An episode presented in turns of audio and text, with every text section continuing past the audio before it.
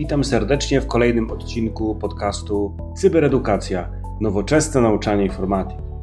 Dzisiaj zastanowimy się, czym jest umiejętność myślenia obliczeniowego, czy też inaczej komputerowego. Czy warto uczyć nauczycieli metod uczenia myślenia obliczeniowego, komputerowego, z angielskiego computational thinking? Czy te kompetencje dotyczą wyłącznie nauczycieli informatyki? Jak uczyć myślenia komputerowego? Zapraszam do wysłuchania tego odcinka. Cyberedukacja. Nowoczesne nauczanie informatyki. Nazywam się Bogdan Księżopolski i zapraszam do mojego autorskiego podcastu Cyberedukacja. Edukacją informatyki zajmuję się od ponad 20 lat. Obecnie kieruję Katedrą Cyberbezpieczeństwa i Cyberedukacji Polsko-Japońskiej Akademii Technik Komputerowych w Warszawie.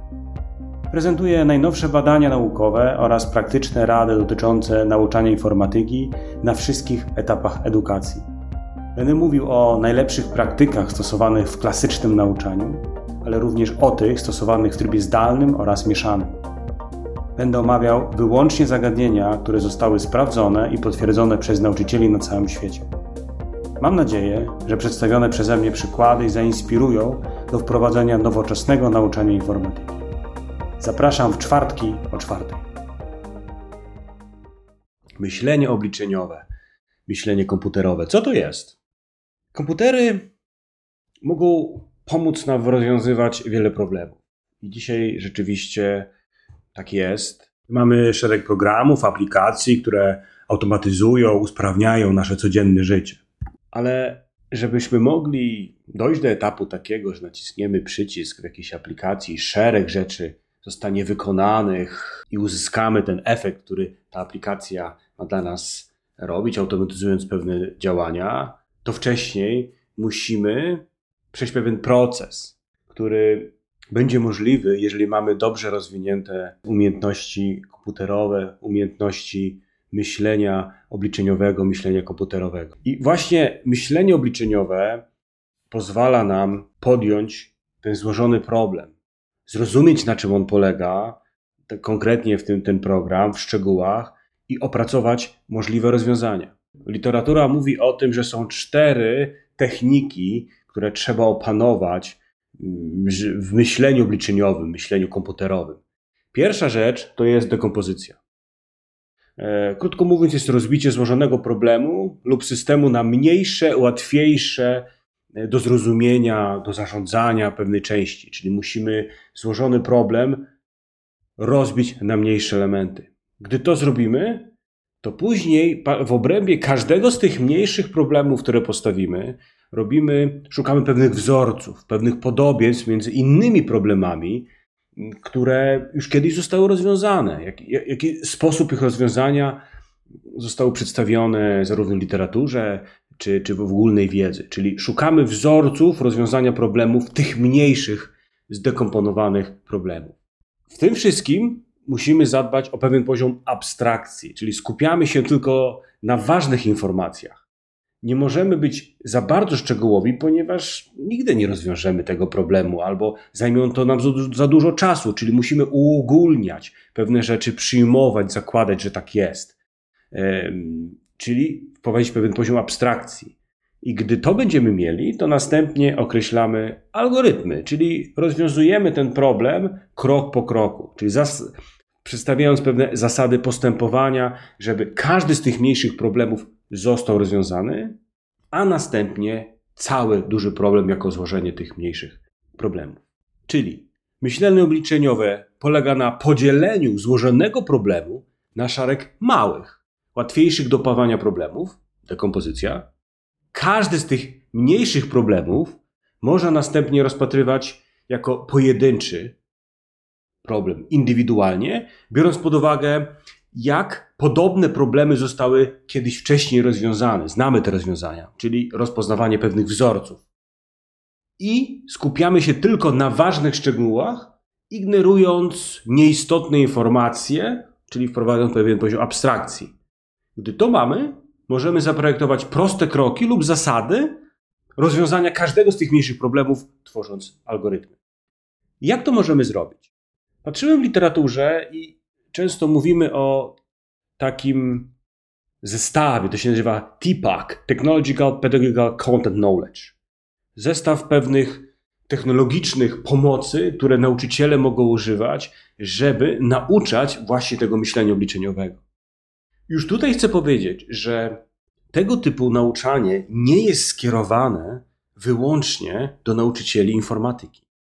No bo my automatycznie kojarzymy, no dobrze, to są umiejętności techniczne, niech tym zajmą się nauczyciele, ucząc przedmioty ścisłe. Pokazują dzisiaj badania bardzo mocno, i ja dzisiaj też o tym będę mówił później, co o tym sądzą nauczyciele, że jeżeli społeczeństwo uczniów na różnym etapie rozwoju nie uzbroimy w tego typu kompetencje, to oni nie będą mogli odnaleźć się w dzisiejszym świecie, ponieważ oni nie będą rozumieli, jak zbudowany jest świat. I nie mówię o tak, tak zwanej tej wiedzy life science'owej, czyli takiej wiedzy biologicznej, chemicznej, fizycznej, bo tego uczymy w szkołach. Ale dzisiaj świat nasz jest bardzo mocno cyfrowy, coraz bardziej cyfrowy, jak mówią nobliści, nie będzie mm, mniej technologii w przyszłości niż jest dzisiaj. Więc uzbrojenie, jeszcze raz powiem, mm, społeczeństwa w tego typu kompetencje jest dzisiaj kluczowe w zrozumieniu, jak działa, jak funkcjonuje świat. Ale wracając do tego zestawu TIPAC. W literaturze wskazuje się pięć, ja jeszcze dodałem jedną, czyli sześć pewnych technicznych elementów, które możemy wykorzystać. Na, na, na początkowym etapie edukacji, mówimy, mówi, czyli szkole podstawowej, mówi się często o tablicy interaktywnej, w ramach której możemy wprowadzać pewne, pewną abstrakcję, różne dane, automatyzować. To jest ten moment, w którym możemy próbować włączać w zajęcia tablice interaktywne. O tym mówi literatura. Ja nie mam doświadczenia z tymi tablicami, więc nie będę się tutaj y, wypowiadał. Bardziej powiem o kolejnych krokach, ponieważ dalej w literaturze możemy znaleźć internet. Wszyscy korzystamy z sieci internet, wyszukując pewną, pewną wiedzę, pe, pewne treści, ale tu się pojawia to, że my powinniśmy nauczyć już uczniów na pewno, żeby umieli identyfikować interesujące tematy konkretne, których szukają i skutecznie przeprowadzać, to jest dobre słowo, badania w internecie. To nie polega na tym, żeby wpisać w wyszukiwarce pewne frazy. No dobrze, to, to mamy ileś tam rekordów pierwszych, ale to jest takie proste wyszukiwanie. Ważne, żeby zidentyfikować konkretne słowa kluczowe, jak je budować, które to są te słowa kluczowe. A następnie wprowadzić pewne umiejętności logiki operatorów, no mówimy bulowskich, tak, czyli pewnych logicznych y, operatorów, które pozwolą nam zadać takie zapytanie, które precyzyjnie z całej tej wielkiej bazy wiedzy, jak jest sieć internet, pozwolą nam otrzymać już przefiltrowane dane, które zostaną przefiltrowane już na samym poziomie zapytania. To jest bardzo ważna umiejętność, którą powinniśmy uczyć już w szkołach, myślę, że podstawowych szkołach średnich, żeby umieć wyszukiwać dane, filtrować już, już na etapie e, tworzenia zapytań do, do treści internetowych. Kolejnym narzędziem, które jest wymieniane, jest narzędzie programistyczne, tak zwane języki obiektowe, wizualne, na przykład Scratch. Myślę, że dobrze znamy to, szczególnie dobrze znają to nauczycieli informatyki, bo to są te pierwsze kroki. Mówimy z programowaniem, ale tak naprawdę to, jest, to są pierwsze kroki w budowania prostych algorytmów. Czyli stawianie prostych problemów to nie są złożone rzeczy na tym etapie, używając języka programowania wizualnego. Czyli prosta dekompozycja problemów, budowanie zespołu kroków, logiczne myślenie, czyli zespół kroków, które po sobie postępują w programowanie, na przykład Scratch jest idealnie, do tego się nadaje. Bardzo często używany przez nauczycieli, mówię, informatyki w szkołach podstawowych. Czy można używać na innych lekcjach? Myślę, że tworząc pewne interdyscyplinarne lekcje, jak najbardziej tak, ponieważ my dzisiaj często budujemy, wykorzystujemy programowanie do tych samych problemów ale na przykład chcąc uczyć na przykład biologii czy pewnej chemii, to pewną logikę można próbować zautomatyzować, przedstawić w postaci algorytmu i w postaci programowania, właśnie kontekstowo uczyć daną domenę na takich prostych programikach. I wtedy właśnie wprowadzamy te myślenie obliczeniowe, komputerowe na różnych przedmiotach. Kolejne narzędzie, które myślę, że jest niedoceniane, bo jest bardzo proste, ale myślę, że bardzo pomaga w budowaniu takiego myślenia, takiego myślenia są mapy myśli. Ponieważ tutaj rozkładamy problem cały czas na czynniki pierwsze, tworząc pewne algorytmy, pewną abstrakcję.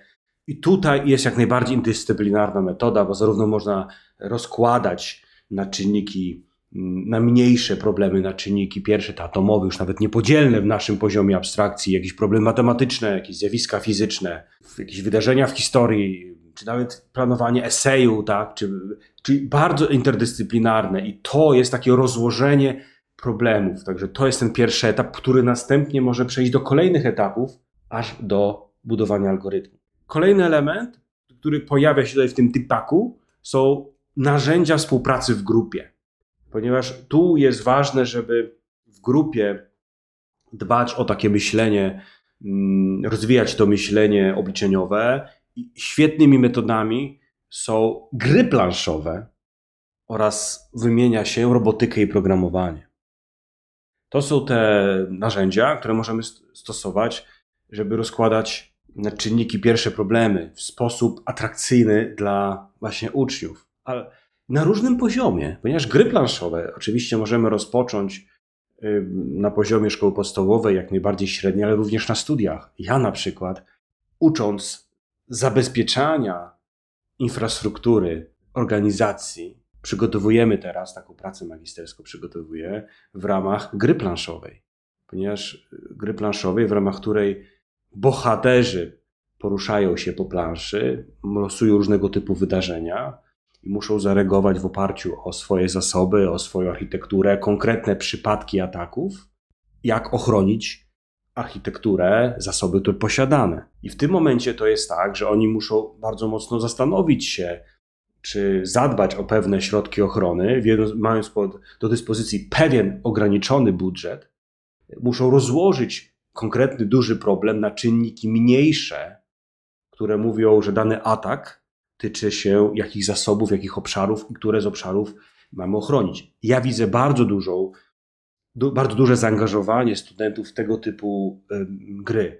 I myślę, że gry planszowe są bardzo mocno niewykorzystywane dzisiaj w edukacji. Ja jeszcze dodałem szóstą rzecz, którą ja używam y, bardzo często, buduję diagramy. Ponieważ mapę myśli to jest jedna rzecz rzeczywiście, ale budując algorytm, żeby zrozumieć jak on działa, to warto y, mieć tę umiejętność no, z inżynierii oprogramowania, ale to, to, to nie jest zaawansowana rzecz, nie musi być zaawansowana inżynieria, ale może by proste diagramy decyzyjne, w ramach których pobudujemy algorytm krok po kroku. Ja używam narzędzia Draw.io. Jest to narzędzie, które można używać online, ale również można pobrać jako aplikację desktopową. Wróćmy teraz do badań, ponieważ początek chciałem omówić, czym jest computational thinking.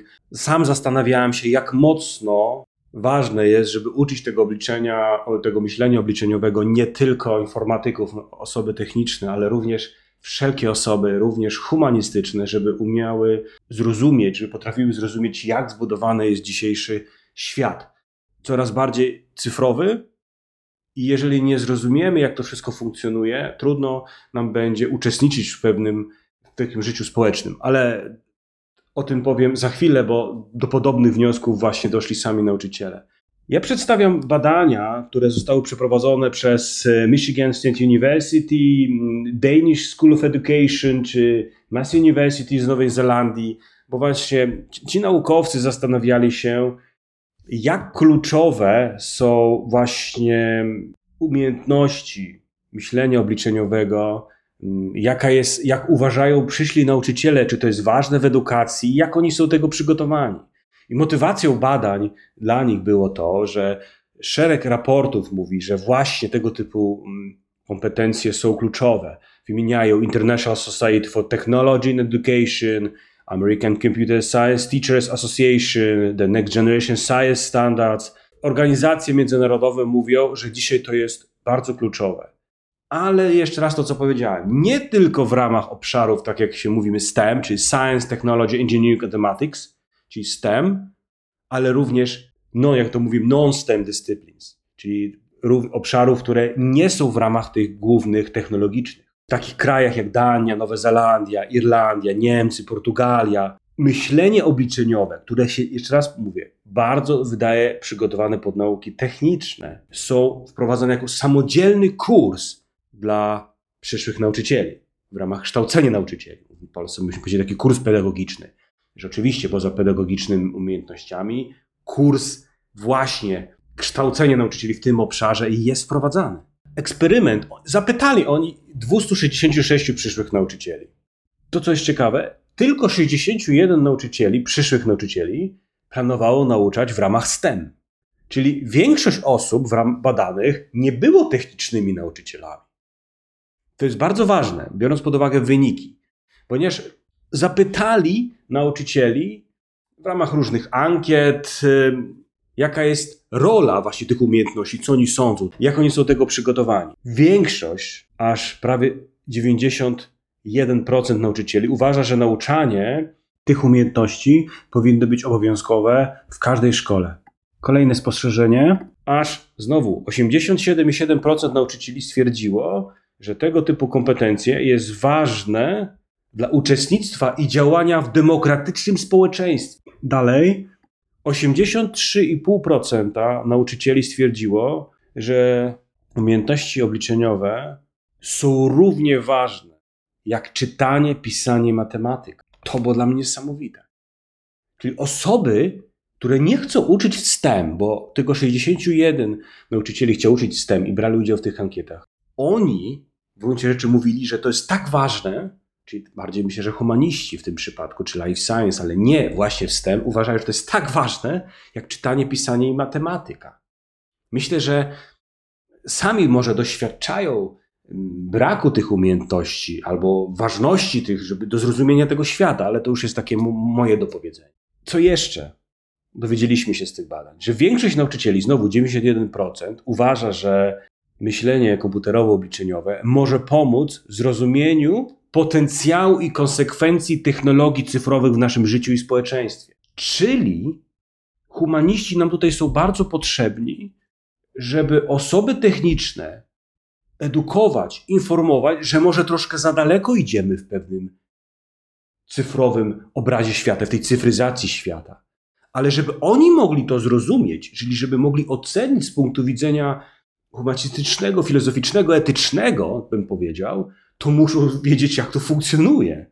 Bo często zatrzymujemy się na poziomie takim dosyć ogólnym, ale dopiero jak wejdziemy w zrozumienie, jak coś funkcjonuje, to zobaczymy pewne problemy, których osoby techniczne mogą nie widzieć. Czyli społeczeństwo powinno być edukowane w tym obszarze. Dalej, Zdecydowana większość nauczycieli było przekonana, że może nauczyć się zrozumieć te pojęcia informatyczne, aż 88%. Czyli oni są gotowi na to, czują, że mogą to robić. To ważne. Ale jednocześnie tylko 66% czuło się komfortowo ucząc tych kompetencji obliczeniowych, komputerowych. Czyli widać tutaj duży brak, że nie wiemy, jak tego uczyć. A blisko 80% uważało, że posiada umiejętności, żeby się tego nauczyć. Czyli dobrze, czyli czują, że mogą się nauczyć, ale jeszcze tego im brakuje. Więc myślę, że to jest duże zadanie w edukacji nauczycieli, żeby tego typu kompetencje wprowadzać do szkoły interdyscyplinarnie w ramach różnych przedmiotów. Podsumowując, myślenie obliczeniowe, myślenie komputerowe jest kluczowe dzisiaj dla każdego. Ważne jest, żeby zbudować programy edukacji nauczycieli, którzy będą wprowadzać to również do programów nauczania w szkołach, ale również na uniwersytetach. Dziękuję za uwagę i już dzisiaj zapraszam na kolejny odcinek podcastu Cyberedukacja w czwartek o czwartej. Do usłyszenia.